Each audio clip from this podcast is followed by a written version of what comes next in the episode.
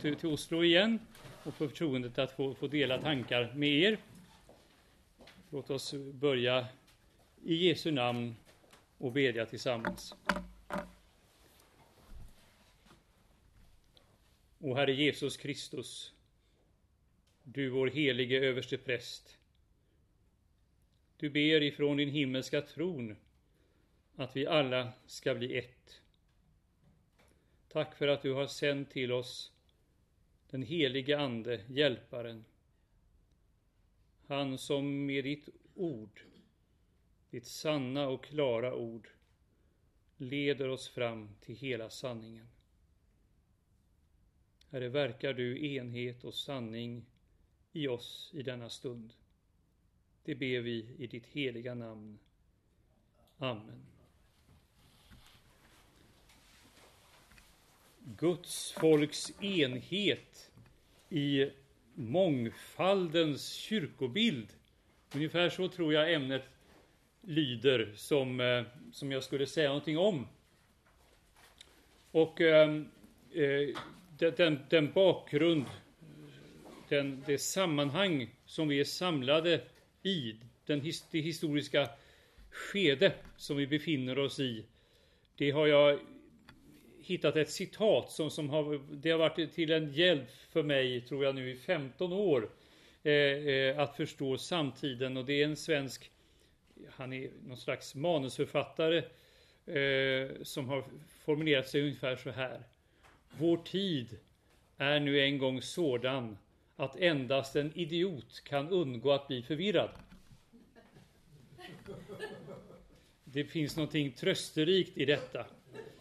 Uh, om man känner sig förvirrad så, så, är man på den punkten inte omedelbart diagnostiserad som idiot utan, utan det, det, situa hela situationen i samhälle, kultur och kyrka är oerhört förvirrande. Och det är ju därför vi behöver tala med varandra, reflektera tillsammans och hitta no några linjer, någonting som kan lysa för oss på vägen fram så att vi inte blir förlamade eller förtvivlade. Och just för att vi inte ska bli förtvivlade eller uppgivna och vi ska tala om kyrkobild bland annat, så vill jag ta min utgångspunkt i en av de viktigaste kyrkobilderna och det är bilden av den segrande kyrkan. För det får inte bli så att vi bara uppfattar kyrkan som ett problem. För det är inte vad kyrkan är skapad av Herren att vara. Den är skapad här i världen för att vara en lösning på problemen. Allt annat här i världen i det mänskliga, det är problem. Men kyrkan, när den är Herrens kyrka, är en tillgång. Låt oss aldrig glömma det. Och det finns ju egentligen ingen kyrka värt namnet än just den segrande kyrkan. Kyrkan är den nya tidålderns människor. Den tidsålder där Jesus Kristus har segrat genom sin död och uppståndelse. Ja, att han har förlossat och förvärvat och vunnit förtappade och fördömda människor ifrån alla synder, ifrån dödens och djävulens våld. Har han fått göra det med sitt ord och sin ande, så tillhör de den segrande kyrkan. Kyrkan är, det är de genom Guds rådslut och den heliga Andes verk, och då har de gjorts delaktiga av Jesu Kristi seger över döden. Det är därför vi också firar våra huvudgudstjänster på söndagen, Herrens uppståndelses dag, den nya tidsålderns begynnelsedag. Vår utgångspunkt när vi nu talar om kyrkosituationen och kyrkobilderna i denna mångskiftande tid, det får aldrig vara den kränkta gruppens bittra kamp för sina rättigheter. Inte de marginaliserades och komplext fylldas självhävdelse. Inte de uppgivnas desperata försök att finna hopp. Vår utgångspunkt som Kristi lärjungar, det är de ofattbart privilegierades, de om segern förvissades, de av Guds väldiga styrkas makt och gränslösa nåd förundrades. Det är vår utgångspunkt, det är vårt förhållningssätt i detta. Vår utgångspunkt är alltså trons perspektiv. Sådan verkligheten ter sig. Inte för våra sinnen, utan enligt Guds löften. Men kampen gäller att vi var och en dag för dag som enskilda och som gemenskaper i församlingar ska förmå att leva i trons perspektiv, i trons sätt att förstå verkligheten. Ja, och gör vi det enskilt och tillsammans i kyrkor och församlingar, då har Kristi seger brutit in i våra hjärtan och i våra gemenskaper. När vi talar om den segrande kyrkan så öppnar det ett fönster också framåt mot härlighetens rike och de yttersta tingen när segern ska manifesteras. Och vi ska utifrån det perspektivet eh, se närmare på, på en kyrkobild som vi möter i Uppenbarelsebokens tolfte kapitel. Det är säkert välkänt för er, men vi, vi ska påminna oss detta nu och läsa de sex första eh, verserna i Uppenbarelsebokens tolfte, tolfte kapitel. F förstår ni vad jag säger? Jag menar språkligt och ni hör, hör vad jag säger. Det är bra. Jag läser där ur Uppenbarelsebokens tolfte kapitel. Ett stort tecken visade sig i himlen. En kvinna klädd i solen och med månen under sina fötter och en krona av tolv stjärnor på sitt huvud. Hon är havande och ropar i barnsnöd och födslovånda. Ett annat tecken visade sig också i himlen och se en stor eldröd drake med sju huvuden och tio horn och med sju kronor på sina huvuden. Hans stjärt drog med sig en tredjedel av himlens stjärnor och han kastade ner dem på jorden. Och draken stod framför kvinnan som skulle föda för att sluka hennes barn så snart hon hade fött det. Och hon födde ett barn, en son, som ska styra alla folk med järnspira och hennes barn blev uppryckt till Gud och hans tron.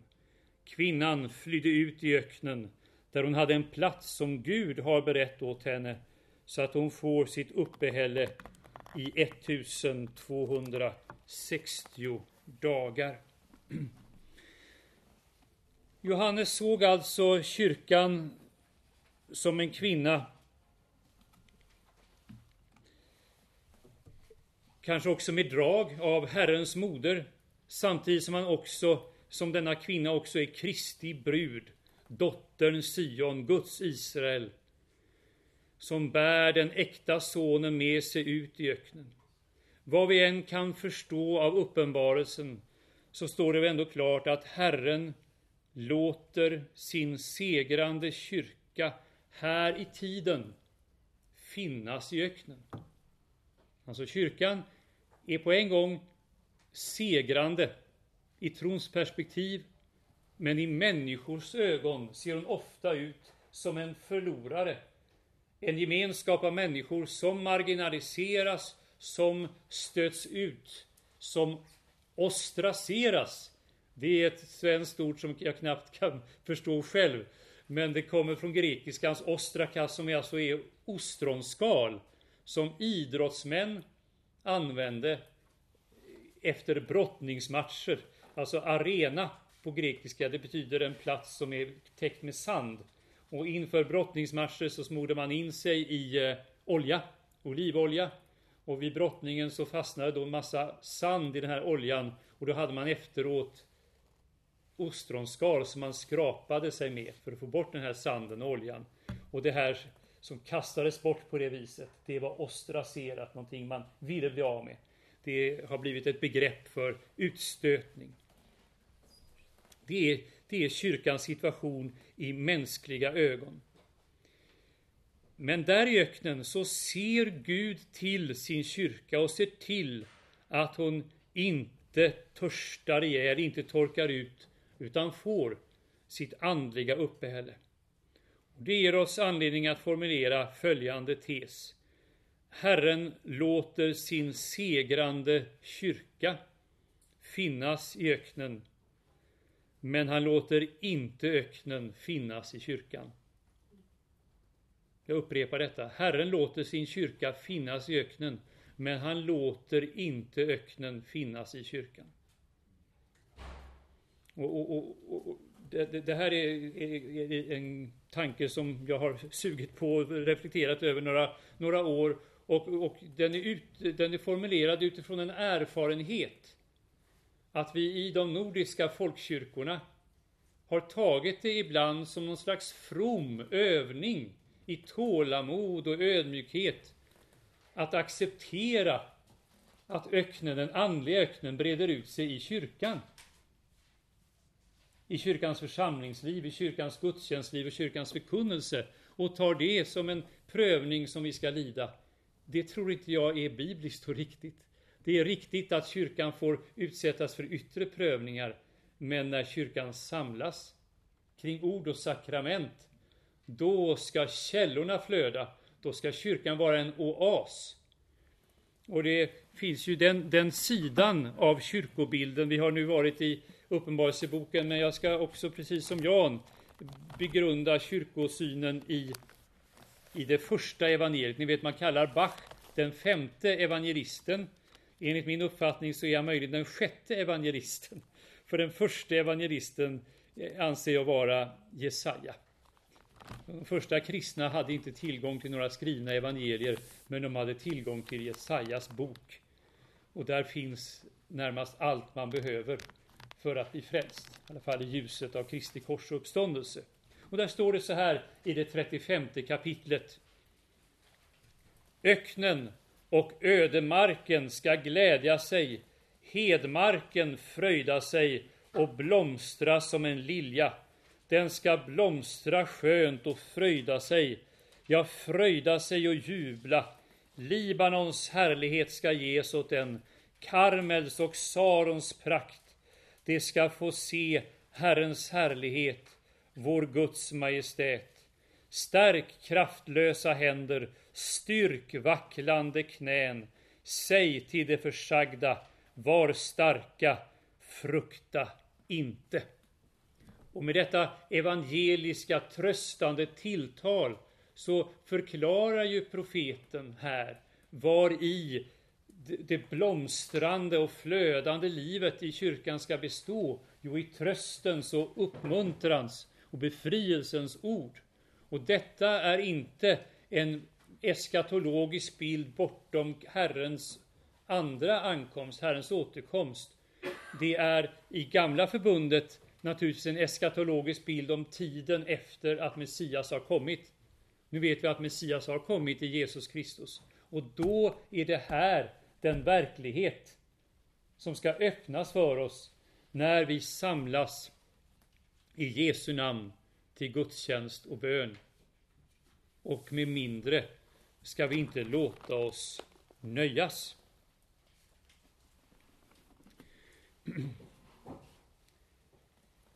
Men i det yttre så låter ändå Herren sin segrande kyrka finnas i öknen.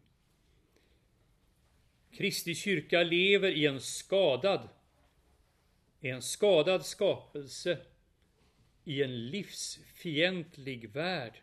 Alltså en värld som får sitt liv av Herrens fortsatta pågående skapelse, men som i sin inställning till livet är livsfientlig i många stycken. Och här i vildmarken angrips kyrkan av draken. Det är denna världens första.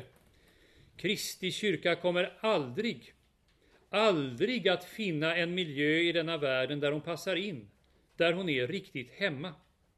Skulle hon göra det, vilket tycks vara många strävan när det gäller eh, många som idag arbetar i de yttre kyrkorna, skulle man verkligen finna den där totala hemkänslan här i världen, ja då upphör den här gemenskapen strax att vara Kristi kyrka den segrande, då blir det bara en mänsklig gemenskap. En nu pensionerad präst i, i Svenska kyrkan, Knut Axel von Schultz, som bor i Eskilstuna som pensionär, han har på ett mycket uppbyggligt sätt undervisat om att på hebreiska så finns det tre nyckelord som bygger på samma tre bokstäver, samma radikaler som det kallas. Ni vet, hebreiskan är uppbyggd bara med konsonanter.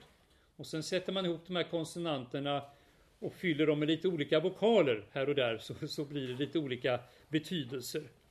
Men de, de orden som jag tänkte lyfta fram här då, det är orden midvar, som betyder örken, öken. Det är davar, som väl betyder ord. Och divre, som betyder det allra heligaste i templet. Och utifrån det här enkla eh, sammanhanget med de här tre orden så kan man så formulerar han det här temat Gud leder sin kyrka med ordet genom öknen mot det allra heligaste. Det allra heligaste i, i det tempel som inte är gjort av människohänder. Det är ett tempel som öppnar sig för oss genom nådastolen in i trons gemenskap med den treenige guden, men som också är målet för hela vår Guds folks livsvandring i det himmelska templet. Så det ligger en underbar hemlighet i det här sambandet mellan de här tre hebreiska orden som alltså bygger på samma eh, grundkonsonanter eh, D, V, R. Midvar, Davar och Dibre.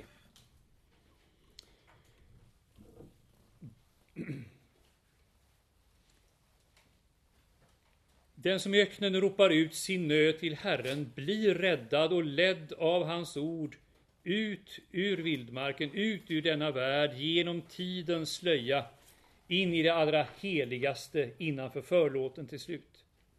Ja, Herren ger idag sin kyrka trons örnvingar genom anden i ordet, som redan nu frimodigt kan träda fram inför nådens tron. Kyrkan lever alltså i öknen, fientlighet, främlingskap och prövningar som du får uppleva som enskild kristen och som vi får uppleva tillsammans som kristna församlingar.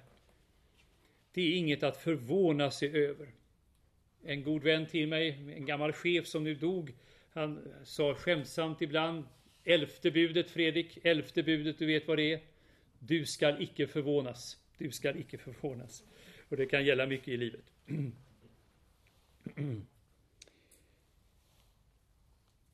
Av Uppenbarelseboken får vi också klart för oss att Kristi kyrka inte är någon valkyria. Nu tittar jag på brodern här som vet vad en valkyria är. Någon kvinnlig krigare som med lans i hand eh, och i eh, väldig styrka och triumfalism hugger in på sina fiender. Ni kan tänka på Kirsten Flagstad, det var ett av hennes paradroller, var det inte det? Som Valkyrian i Brynhilde. Nej, så, sådan är inte kyrkan. Hon är in, in, inte någon amazon, en krigare. Hon går inte fram här i världen med krav på världsherravälde. Eh, det, det, är en av de stora skillnaderna mellan Kristi kyrka och, de, och den rörelse som Mohammed en gång grundade. Den rörelsen är i, i, i sin grundförståelse teokratisk. Att den vill vara redskapet för Guds styrelse på jorden. Kyrkan, Kristi kyrka, är redskapet för Guds frälsning, för Guds nåd här i världen. Men när det gäller att styr, styra över denna världen, då använder sig ju Gud, som vi vet, av andra redskap, av det mänskliga förnuftet och av olika politiska makter och ämbeten. Nej, kyrkan håller sig, är beredd att fly och backa och hålla sig undan och tar inte alla strider om makten. Men hon litar till löftet. Herren, Herren ska strida för er och ni ska vara stilla därvid. Kristi kyrka segrar alltså inte genom att vara starkare och mäktigare än sina fiender utan genom att vara trogen. Trogen sin Herre, trogen sin brudgum. Sin brudgum som är Guds och Marias son, som sitter på tronen och därifrån styr världens skeenden med sin järnspira. Kristi kyrka segrar genom att rena sig i Lammets blod och genom att bruka Guds ord. De övervann honom genom Lammets blod och genom sitt vittnesbördsord, läser vi Uppenbarelseboken. Så samlar sig alltså Kristi kyrka här i världen, ja, uppstår som en gemenskap omkring ordet och sakramenten. I dessa vet kyrkan att hon äger ett oemotståndligt segervapen. Det gör henne inte till denna världens förstinna, men det gör henne till himlens drottning. Med detta ser vi alltså att kyrkan utan sorg och utan förtvivlan får acceptera att leva i öknen. Här i tiden i det yttre, maktlös och utstött, men ägande en makt i det andliga som segrar överallt och som dödsrikets portar aldrig ska kunna bli övermäktiga. Så kom ihåg det när om någon frågar så där lite medlidsamt och lite överlägset, tror du verkligen att kyrkan har någon framtid? Då får man svara ja, det är strängt taget det enda som jag tror har någon framtid. Men, åter till detta, vad Kristi sanna kyrka aldrig kan och aldrig får acceptera och aldrig lida, det är att öknen finns inom henne, i henne. Att andens friska källflöden förgiftas eller torkar ur. Om det sker, då flyttas ljusa staken. Och då har Kristi kyrka därmed upphört att finnas åtminstone på den platsen, i det sammanhanget. Varför bråkar man och varför strider man så mycket i kyrkan, undrar världens barn. Ja, vi vet svaret. Gud låter visserligen sin kyrka vara i öknen, men han låter inte öknen vara i kyrkan. Och därför väcker han människor till motstånd, till erosionen, till, ni vet i, i Nordafrika kämpar man mot ökenspridning, att Sahara hotar att bereda ut sig söderut. Och på motsvarande sätt så måste vi bjuda motstånd när öknen hotar att sprida sig i kyrkan. Det finns människor som upptänds och som till varje pris vill slippa öknen. De vill behålla sin roll. Eh, alltså det finns människor som bjuder motstånd och, och kämpar med Guds ord. Det kan vara präster som, som, som troget förkunnar evangelium. Och det finns lekfolk som enträget begär av sina präster. Vi vill höra Guds rena och klara ord. Varför får vi inte detta? Och de har all rätt att begära det.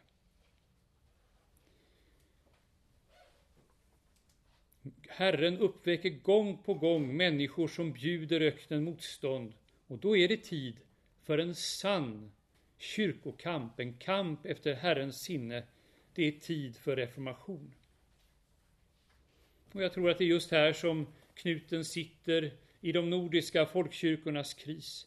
Där finns det tyvärr så många som är beredda att släppa in öknen i kyrkan, bara kyrkan slipper vara i öknen i det yttre. Man vill behålla sin plats i det etablerade sammanhanget. Det är, I Sverige är det naturligtvis fantastiskt fint att ärkebiskopen blir inbjuden till eh, Nobelfestligheten, till exempel. Det har varit fantastiskt att, att man nu, eh, att, att, när riksdagen öppnas, att det inleds i Storkyrkan med, med en kristen gudstjänst.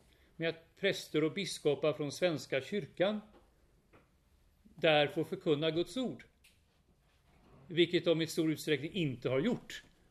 Utan de förkunnar människotankar, de förkunnar politik. Vilket nu har lett till att man ska behålla den här ceremonin. Men nu är det inte längre präster som ska tala där, utan det är andra tänkare av olika slag, också de som jag förstår mer eller mindre har en rent humanistisk åskådning. Så har man alltså, alltså ett yttre skal, man behåller en position, men öknen brer ut sig eh, i innehållsmässigt.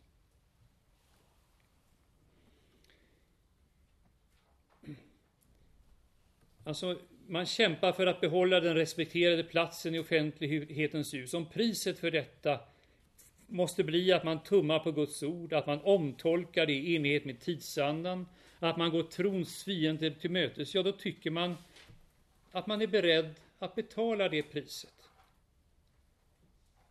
Alltså hellre en öken i kyrkan än en kyrka i öknen. Det är strategin för många.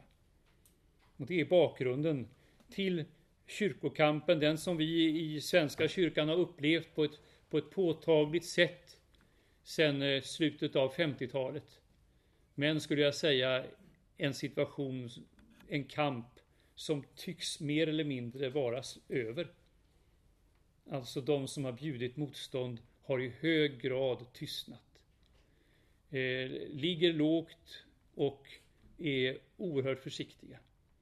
Jag uppfattade en rörelse så som uppstod i diskussionerna när vi samlades för att rådslå kring bildandet av missionsprovinsen. De som då inte ville gå med på den vägen, bland annat inom kyrklig samling, det var inte det att de då stod kvar på samma plats och i samma position, utan att man liksom vände sig tillbaka i ett avståndstagande från det nya i missionsprovinsen så blev man mer trogen etablissemanget, mer försiktig i sitt förhållningssätt på ett, på ett, på ett med tragiska följder. Jag har precis nu blivit indragen i ett sammanhang med mina gamla församlingar som nu står inför svåra strider där, där det nu kan komma att införas präster för första gången. Det har aldrig funnits i de kyrkorna. Och bakgrunden där är då att, att, att någon försöker rädda situationen, har då gått med och skrivit under allt man måste skriva under. Och så, för, så förbrukas förtroendet, någon annan eh, kommer i kläm så, som kyrkoherden hade ansvar för. Och den som själv fått rådet, bland annat av, av ledande högkyrkliga, att skriva på alla papper, hamnar i svår själslig kris. Och på motsvarande sätt är det ju unga prästkandidater som, som mot sin övertygelse, mot sitt inre samvete går in i tjänst i kyrkan och tror att man ska kunna klara någonting. Ja, jag ska inte utesluta att här kan säkert uträttas ett och annat och, och Guds ande kan, kan verka också där ordet finns. Men många försätter sig själva i en situation där man spelar bort det viktigaste kapitalet för en präst och det är ens trovärdighet. Och, och man går ut i tjänst med en bruten ryggrad och det är oerhört eh, smärtsamt att se. En av mina goda vänner som har gjort det här misstaget, han berättade nyligen för mig att han sa åt en av de här ledande inom vad vi i Sverige kallar för högkyrkligheten att om någon kommer till dig och frågar till råds om man ska gå in i det här, om man ska skriva under de här paragraferna, att lova att samarbeta med alla präster oavsett kön till exempel. Så säg nej. Säg nej, för det jag nu har upplevt och det misstag jag har gjort, låt ingen annan göra om det misstaget. Det, det är en ganska, alltså det, det, är en ofantligt, det ligger en sån ofantlig smärta och, och tragik i detta.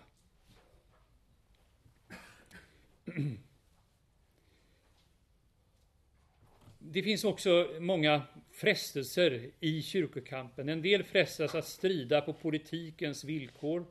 Man tänker sig att det är genom en klok strategi som kan fordra många kompromisser som kampen ska föras till seger. Genom att göra upp i god och genom att eventuellt samla majoriteter så ska man kunna förändra allt till det bättre. Den här vägen leder så ofta till besvikelser och inte sällan till svek. Kallelsen i ökenkyrkan måste vara att träda upp i tid och otid, att tala in Guds ord i alla sammanhang på ett profetiskt sätt. Det kan faktiskt hända en dag att de som i sin smarthet ville hålla kyrkan borta från öknen och hålla den kvar vid maktens fontäner, de kan börja plågas av en andlig törst när de har släppt in öknen i kyrkan. Och Gud kan i sin allmakt sända en hunger och en törst efter Guds ord också i folkkyrkorna. Och då kan de som strävade efter makt och kontroll en dag upptäcka att de inte alls har någon glädje av den makten, för långt starkare än deras makthunger kan då törsten efter Guds ord göra sig gällande. Och då kan det vara så att Herren kan ha lämnat där kvar åt sig en rest i folkkyrkorna som håller källflödena öppna och som kan bli redskap till att driva ut den andliga ökentorkan ur den yttre kyrkan. Men det kan också vara så att Herren då visar sin dömande makt genom att undanhålla sitt ljus och sin sanning. Då blir det som det står hos profeten Amos. Det ska driva omkring från hav till hav och springa hit och dit från norr och till öster för att söka efter Herrens ord, men det ska inte finna det.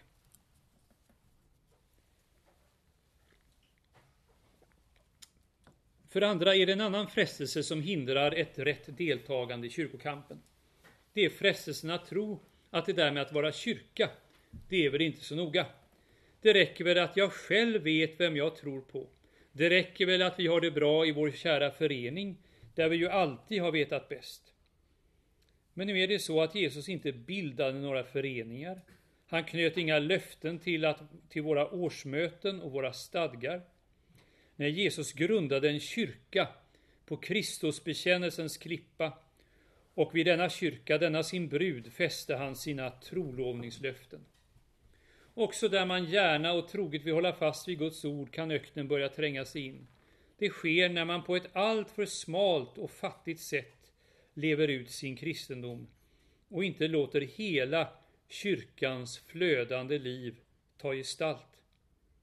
Jag tänker till exempel att man ordnar sitt eh, gudstjänstliv så att man aldrig får uppleva att sakramenten förvaltas i sina vanliga gudstjänstsammanhang. Om du och jag ska kunna stå emot ökentorkan så, så, måste vi se att vi har en kallelse att verka för att hela Kristi kyrkas liv kommer till uttryck i en fungerande församling. Luther har iakttagit sju kännetecken för Kristi kyrka. Många av er känner till detta. Han uttrycker det i skriften om kyrkan och koncilierna. Eh, von, von eh, die Konzilien und Kirchen. Och där dessa tecken kommer till synligt och hörbart uttryck, där vet man att Kristi kyrka finns och lever. Och dessa kännetecken, det är Guds ord, dopet, nattvarden, nycklarna, prästämbetet, bönen och lovprisningen. Eh, förlåt, bönen och lovprisningen är ett kännetecken tillsammans och det sjunde kännetecknet är korset. Korset, är ni med nu? Ja, eh, så är det. Alltså det sjätte kännetecknet där, det är alltså bönen och lovprisningen.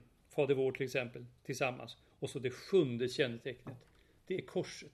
Och det betyder inte att man har ett kors på altaret i första hand, utan det är lidandets, det är förföljelsens kors i Kristi efterföljelse. Där dessa tecken kommer till synligt och hörbart uttryck, där vet man att Kristi sanna kyrka finns och lever. Och ju hårdare Guds folk trängs utifrån, trängs utifrån i en mörknande tid, desto viktigare blir det att vi söker styrka och tröst i alla dessa Guds goda gåvor som tillsammans bildar den friska helhet som kännetecknar en helig, allmänlig och apostolisk kyrka. Och det här med teckentänkandet hos Luther, det är ganska väsentligt för att förstå en skillnad mellan en luthersk kyrkosyn och andra samfunds sätt att se på kyrkan. Det finns både så att säga till höger och till vänster om den lutherska kyrkan andra tankar. Om vi tänker oss den romersk-katolska kyrkan så kännetecknas den inte så att säga av att det finns en kärnpunkt eh, omkring evangeliets hjärta, eh, utan man är noga med att markera gränserna. Här exakt vet vi att gränserna går för den sanna kyrkan. Den, gränserna för den sanna kyrkan i Rom går dit där påven, biskopen i Rom, har sin makt, sin jurisdiktion över biskopar och präster. där präster och biskopar står i andlig gemenskap, är underställda påven, där finns kyrkan. Där har man markerat gränserna. Och på motsvarande sätt finns det inom olika reformerta samfund exakta eh, modeller för hur en församling grundad på Nya Testamentet ska se ut med ett visst antal äldste och, med särskilda eh, strukturer i enlighet med det. Så har inte den lutherska kyrkan tänkt att man kan exakt dra upp gränser, utan man pekar på kärnpunkter. Det här ska finnas där i kärnan, de här sju kännetecknen. Sen kan det se ut lite olika i utantillverket, men vi ska se till hjärtpunkten. I längden kan vi alltså inte leva utan ett rent och klart förkunnat Guds ord, inte utan rätt förvaltade sakrament, inte utan att rätta präster vigs och sänds ut i apostolisk ordning. Inte, vi kan inte leva utan en gemenskap av kristna bröder och systrar som samlas i bön och lovsång i en rätt tro och som tillsammans blir välsignade under förföljelsens kors. Kanske är det just för att undvika korset som många blir så försiktiga och så likgiltiga inför nödvändigheten av att ha fungerande församlingar med alla kyrkans kännetecken. I första hand ska vi bedja och verka att de församlingar som redan finns ska kunna fungera så att de här sju kännetecknen verkligen kommer till uttryck där. Och här måste vi undvika frestelsen till perfektionism. Det har varit så i alla tider och kommer för, förbli så till tidens slut att varje kristen församling har sina fel och brister.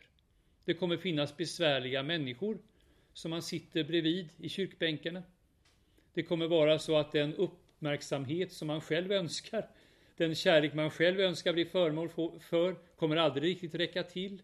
Det kommer finnas präster som glömmer saker, som har ett som talar märkliga dialekter, som in, brister i sitt underhållningsvärde, vars eh, utseende man kan ha synpunkter på. Allt detta kommer finnas och skapa frustrationer.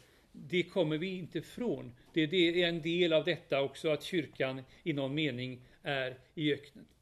Och den som jagar efter den fullkomliga, perfekta församlingen, den kommer få jaga i skogen som efter den där huldran. Har ni, har ni det i, i, i norsk mytologi? Ni vet den här kvinnan som, som dyker upp i skogarna, hon som inte har någon rygg. Ja, det är mytologi, så som man bara jagar efter men aldrig når fram till.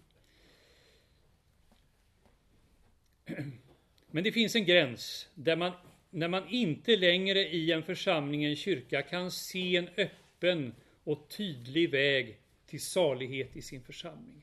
Där tecknen släcks ett efter ett. Där det inte är ett rent och klart evangelium som predikas. Där sakramenten inte förvaltas enligt Kristi instiftelse. Det kan finnas en övergångstid om man hoppas att det här ska gå över och det finns hopp om någon form av, av reformation. Men i längden så kan Guds folk inte sitta där som eh, grodor, frölor, vad heter det på norsk? Frosker. Frosker är det. I, en, i ett vattenbad och, och kokas vartefter utan att man märker hur temperaturen stiger. Utan något måste ske. Då får man söka sig antingen till en annan befintlig församling eller ta Gud i hågen och tillsammans med andra kristna bilda en ny församling. Det är ett nytt skede som blir allt tydligare i våra gamla ökenkyrkor i Norden att trons folk inte längre låter sig svältas, de låter sig inte längre törstas till döds. Och när väckelsens folk förstår att detta med kyrka och med ämbete och sakramentsförvaltningen inte bara ska anses vara en del av den världsliga överheten som man utnyttjar när det passar, utan faktiskt delar och av evangelium, ett utflöde av evangelium och oundgängliga förutsättningar för trons inre liv, då kan det hända spännande och välsignande saker. Så att de som vill hålla fast vid Guds ord och den lutherska bekännelsen kan mötas från olika traditioner inom den egna kyrkan, från olika länder här i, i Norden och Europa och världen i övrigt, känna igen varandra som bekännande kristna och tillsammans börja gestalta Kristi kyrka. Inte på ett smalt och begränsat sätt, utan på ett fullödigt sätt som kännetecknar den enda heliga och allmänliga och apostoliska kyrkan. När det börjar ske kan det bli ett nytt nådetillfälle för folkkyrkorna som kan väckas till besinning och öppna sig för en ny reformation, bli sporrade av vad man ser av blomstring och liv i det nya som bildades. Låt oss därför inte i onödan slå igen dörrar och överge de många som är öppna för Guds ord, men inte vill bryta sig upp ur sina församlingar. Låt oss tvärtom på alla sätt stötta de trogna präster som står kvar i sina tjänster. Men det kan också väcka raseri när någonting nytt görs och vi kan få uppleva prövningar och förföljelse på ett sätt som vi inte har erfarit förut när vi vågar med Guds ords eh, kallelse bygga upp nya församlingar där Guds kännetecken på kyrkan blir tydliga. Men vi ska inte skrämmas av motstånd och förföljelse. För det är just så under korset. Det är under korset, förföljelsens kors, som Herren med sin ande och sitt ord leder sin kyrka till den slutliga segern. Det finns ett eh, härligt löftesord om, om livet under korset i eh, första Petrusbrevets eh, fjärde kapitel. Står det så här. Mina älskade, var inte förvånade över den eld som ni måste gå igenom till er prövning, som om det hände er något oväntat. Nej, gläd er ju mer ni delar Kristi lidande. Alltså det är fjärde kapitlet från tolfte versen. Gläd er ju mer ni delar Kristi lidanden, då ska ni också jubla och vara glada när han uppenbarar sig i sin härlighet. Saliga är ni om ni hånas för Kristi namns skull, ty härlighetens ande, Guds ande, vilar över er. Alltså ibland kan man ju få höra av en del missionsivrande kristna att vi inte ska stöta bort människor genom att bekänna obekväma delar av läran. Men jag tänker så här att om man bekänner läran i sin fullhet och det kan leda till motstånd och till förföljelse så finns det här löftet om Guds ande och härlighetens ande som kan komma över församlingen. Och det tror jag har en stark missionerande och evangeliserande effekt. Så det finns ett samband mellan bekännelsetrohet och mission och vittnesbörd på det viset. Och med detta lite mm, den teologiska bakgrunden eh, så tänkte jag gå till en liten till en bild. Det är, det är en lite kraftig bild. Ni vet, på, på svenska brukar man använda sig av, av eh, uttrycket metaforen dike. Alltså bredvid en väg så finns det två diken. Det gäller att undvika bägge dikena. Känner ni igen detta? Men här i kyrkan är det så komplicerat så man kan inte ens använda bilden av dike, utan jag har av inspiration av detta vackra land tagit inspiration av en tunnel. En tunnel. Den är flerdimensionell. Och då tänker jag mig att här genom tunneln så finns vägen fram. Men runt om så finns det, där finns bergväggen som man inte ska köra in i lämpligen. Och här är då några punkter som man möjligen kan vara observant på att försöka undvika. Och innanför de här punkterna som jag snart ska gå och kommentera så finns en väg där man kan känna igen också i mångfaldens kyrkobild Guds folk. Det finns olika sätt också bland de som känner frustration i sönderfallets tid.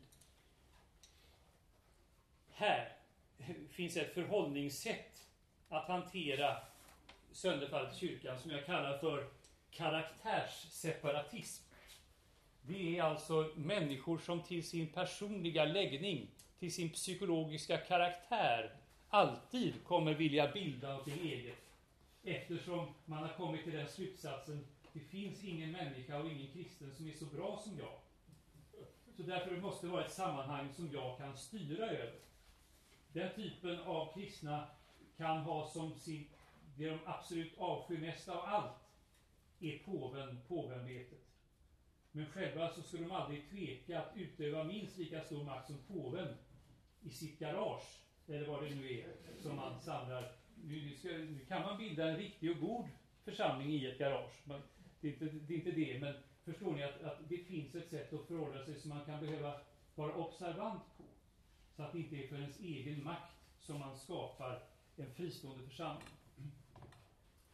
I folkkyrkorna så finns det de som har en kryptoromersk hållning. Som säger ungefär så här, vi ska inte göra någonting. Vi ska absolut inte göra något motstånd, ingenting som splittrar våra kyrkor. För Guds plan är ju att våra kyrkor ska förenas med Rom. Våra kyrkor ska förenas, återförenas med Rom en gång. Och där finns eh, sanningen och där finns fullkomligheten och därför sitter vi stilla i båten fram till den dagen. Och, och, och det kan alltså leda till det, det märkliga att, att, att en, en, någon som, som till exempel tidigare och, och i sin övertygelse var så främmande till exempel för kvinnliga biskopar och vad de där kan då gentemot andra hävda att ni måste vara lojala här, för vi får inte splittra kyrkan, för det vill inte Rom. Och det har jag hört sägas i en, en, en mycket inflytelserik person just i staden Rom. Det är moder Tekla, som är generalabbedissa för Birgitinerorden. Ni vet denna orden som utgick från Sverige på 1300-1400-talet. Och eh, moder Tekla har, har ett visst inflytande både hos påven, eh, de tidigare påvarna och i, i den svenska högkyrkligheten. Och hon har, sägs det, utsagt som en order, splittra inte kyrkan. Ni får absolut inte vigas andra biskopar, för då blir så att säga jurisdiktionen, alltså hierarkin uppsplittrad. Och Rom vill kunna ta över den och, och sen fylla den med nytt innehåll. Förstår ni? Så, så det kan vara Alltså bland, I den gruppen så, så, kan det finnas goda uppfattningar på flera punkter, men så förlamas varje motstånd av, av troheten mot Rom och så landar man eh, och så har man inte klart för sig vad själva evangelium är. Eh, en annat förhållningssätt här är vad jag kallar för kyrkoordningsfascism. Eh, det, det, det är ett grovt ord, eh, men vi, vi, möter det i, i Svenska kyrkan idag eh, och det är verkligen, det är verkligen inte bland dem som, som vill hävda kyrkans sanna kännetecken. Utan det är den tanken att, att vad kyrkan är, det står i lagen, det står i den kyrkoordning som har beslutats. Och den är liksom upphöjd närmast till Guds ord. Det finns ingenting värre än att bryta mot kyrkoordningen. Den ska, den ska man hålla sig till till varje pris och, och, och något annat som går bortom den eller komplicerar den, det är man helt främmande för att ompröva.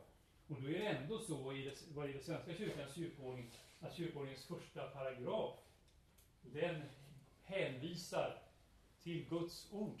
Det gamla och nya testamentets eh, apostoliska och kanoniska skrifter till den oförändrade Augsburgska bekännelsen, till Uppsala mötes beslut från 1593 och till Concordieboken och så vidare. Men man förstår inte att de textsamlingarna, att det kan finnas ett spänningsförhållande mellan den och alla de paragrafer som man beslutar vartefter då i kyrkomötet. Så, så eh, ska man känna igen Guds folk så är det inte i kretsen av kyrkoordningsfascister, om jag säger så. Där, där finns det en, en, en gräns. Fundamentalist. Ja, det kan man säga. Det kan man säga. Ja, precis. Men jag tycker fundamentalist är ett sånt vackert ord så man inte förstör ja. Och sen här då eh, ett annat förhållningssätt som jag kallar för spiritualism. Och det är när man tänker sig att, att, att allt, som, allt som har med Guds rike att göra. Det rör sig bara inne i hjärtat. Det är vad Anden talar in i mitt hjärta. Kanske genom Bibeln som jag läser där hemma. Eh, möjligen att, att man också går på något möte och så vidare. Men man förstår inte att, att vi, talade, för, för, vid förra föredraget i frågestunden så, så kom vi tala om, om en slags eh, kötslig andlighet. Var det inte någon som ställde frågor om kötslig andlighet? Men, men det finns en slags andlig kötslighet som är en god sak. Det vill säga, den kristna tron är ganska materialistisk. Vårt hopp bygger på att Gud blivit kött. Ordet blivit kött i Jesus Kristus. Och Gud själv har inrättat sitt frälsningsverk med synliga yttre ting som Guds ord och sakrament. Och dessa synliga yttre ting ska förvaltas av människor av kött och blod och av församlingar som består av människor av kött och blod. Och därför kan man inte så att säga bara tänka i det andliga utan vi, vi får också se hur byggs det upp ordningar för att främja Guds ord. Så det här är olika så att säga, misstag man kan göra, men den goda vägen in i tunneln så belyses det av, av, eh,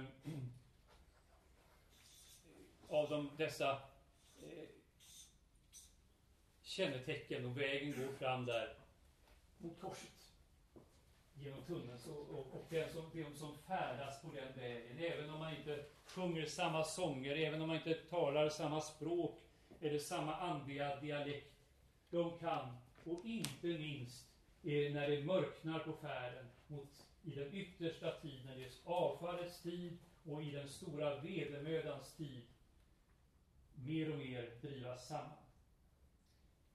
Jag ska nu nämna någonting som jag lämnar till fri prövning. Och jag vill från början säga att det inte alls så att jag tror att det är Guds ord, men det är en berättelse eh, som är nedtecknat i slutet av 1800-talet av en rysk teolog och filosof som heter Vladimir Solovjov. Som har skrivit eh, en kort berättelse om Antikrist. Där han framställer hur Europa varit ockuperat av Kina under en, under en svår tid och hur man reser till, till, till motstånd och så framträder det en ledande politiker som verkar ha lösningen på alla världens problem. En underbar människa, en vis och god man och som också sträcker sin godhet mot de kristna kyrkorna och kallar de eh, stora kyrkorna till ett världskyrkomöte i Jerusalem det här utspelar sig på 2020-talet. I hans bok som är skriven på 1890-talet. Är ni med mig? Alltså som en slags framtidsberättelse då. Och där eh, säger denne världsledare eh, till, eh, till kristenheten om ni bara vill acceptera mig som överhuvud för kyrkan så ska jag ge er all den hjälp ni behöver. Är ni beredda på detta? Jag vill säga till er som är trogna påven i Rom och till dig påve Petrus, som han heter i berättelsen, Petrus den andre. Jag lovar er romerska katoliker ledarskapet för alla kristna på jorden. Om, jag, om ni får det av mig, kan ni då acceptera mig som ert överhuvud? Ja, säger då två tredjedelar av katolikerna och förenar sig med denne ledare. En tredjedel stannar kvar och samlas som en minoritet omkring påven Petrus den andre. De ortodoxa, de utlovas konstateljéer för att vårda deras liturgiska föremål, ikoner och skrudar, tillverka sådana. Och det är ett fantastiskt erbjudande och två tredjedelar av dessa säger ja till erbjudandet från världshärskaren och förenar sig med honom. Men eh, den som, de som inte gör det samlas kring patriarken av Moskva som heter Johannes. Så vänder sig världsledaren till protestanterna och erbjuder dem bibelforskningsinstitut. Och då blir de jublande glada och eh, två tredjedelar av dem ansluter sig till världshärskaren. Eh, en tredjedel blir kvar och samlas omkring eh, professor von Paulus den här minoriteten som finns kvar samlas från de tre olika samfunden, kommer närmare varandra och världshärskaren frågar Ni underliga människor, vad, här har jag erbjudit er närmast allt. Vad kan jag mer göra för er? Vad kan jag göra för er så att ni äntligen blir nöjda? Då reser sig patriarken Johannes och säger, jo en sak, en enda sak begär vi av dig. Och det är att du här inför oss alla bekänner att Jesus Kristus är den levande guden kommen i köttet. Gör detta. Och så ska vi omfamna dig med fullt förtroende. Och då är det som, som att det är en, ett åskmoln som förvrider ansiktet på världshärskaren och hans medarbetare som är en magiker skickar en dödande stråle som, som dödar både Johannes och sen påven Petrus den andre.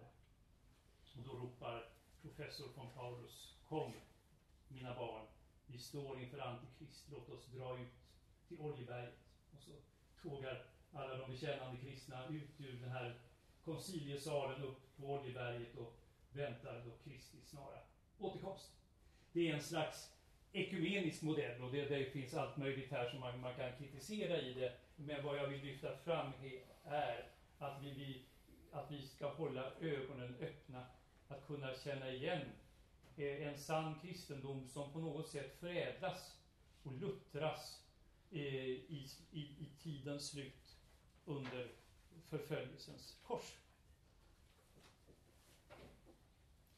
Det vad, vad jag skulle dela med. Jag vill bara sluta med, vi kan inte sjunga den, men jag vill läsa några psalmverser på, från den svenska psalmboken. Måste och av törnen vara här din krona, o min brud. Tårar dina pärlor klara, suckar dina sångers ljud. Lyft din ögon upp och se över jordens kval och ve. Himlen öppnad, palmen vunnen, livets krona salig funnen. Si, så bygger Gud sin kyrka, si så prövar han vår tro, giver oss i nöden styrka och i döden salig ro. Ära ske den Herren stor, som i himlars himmel bor, men ser neder till de arma och vill gärna sig förbarma. Amen.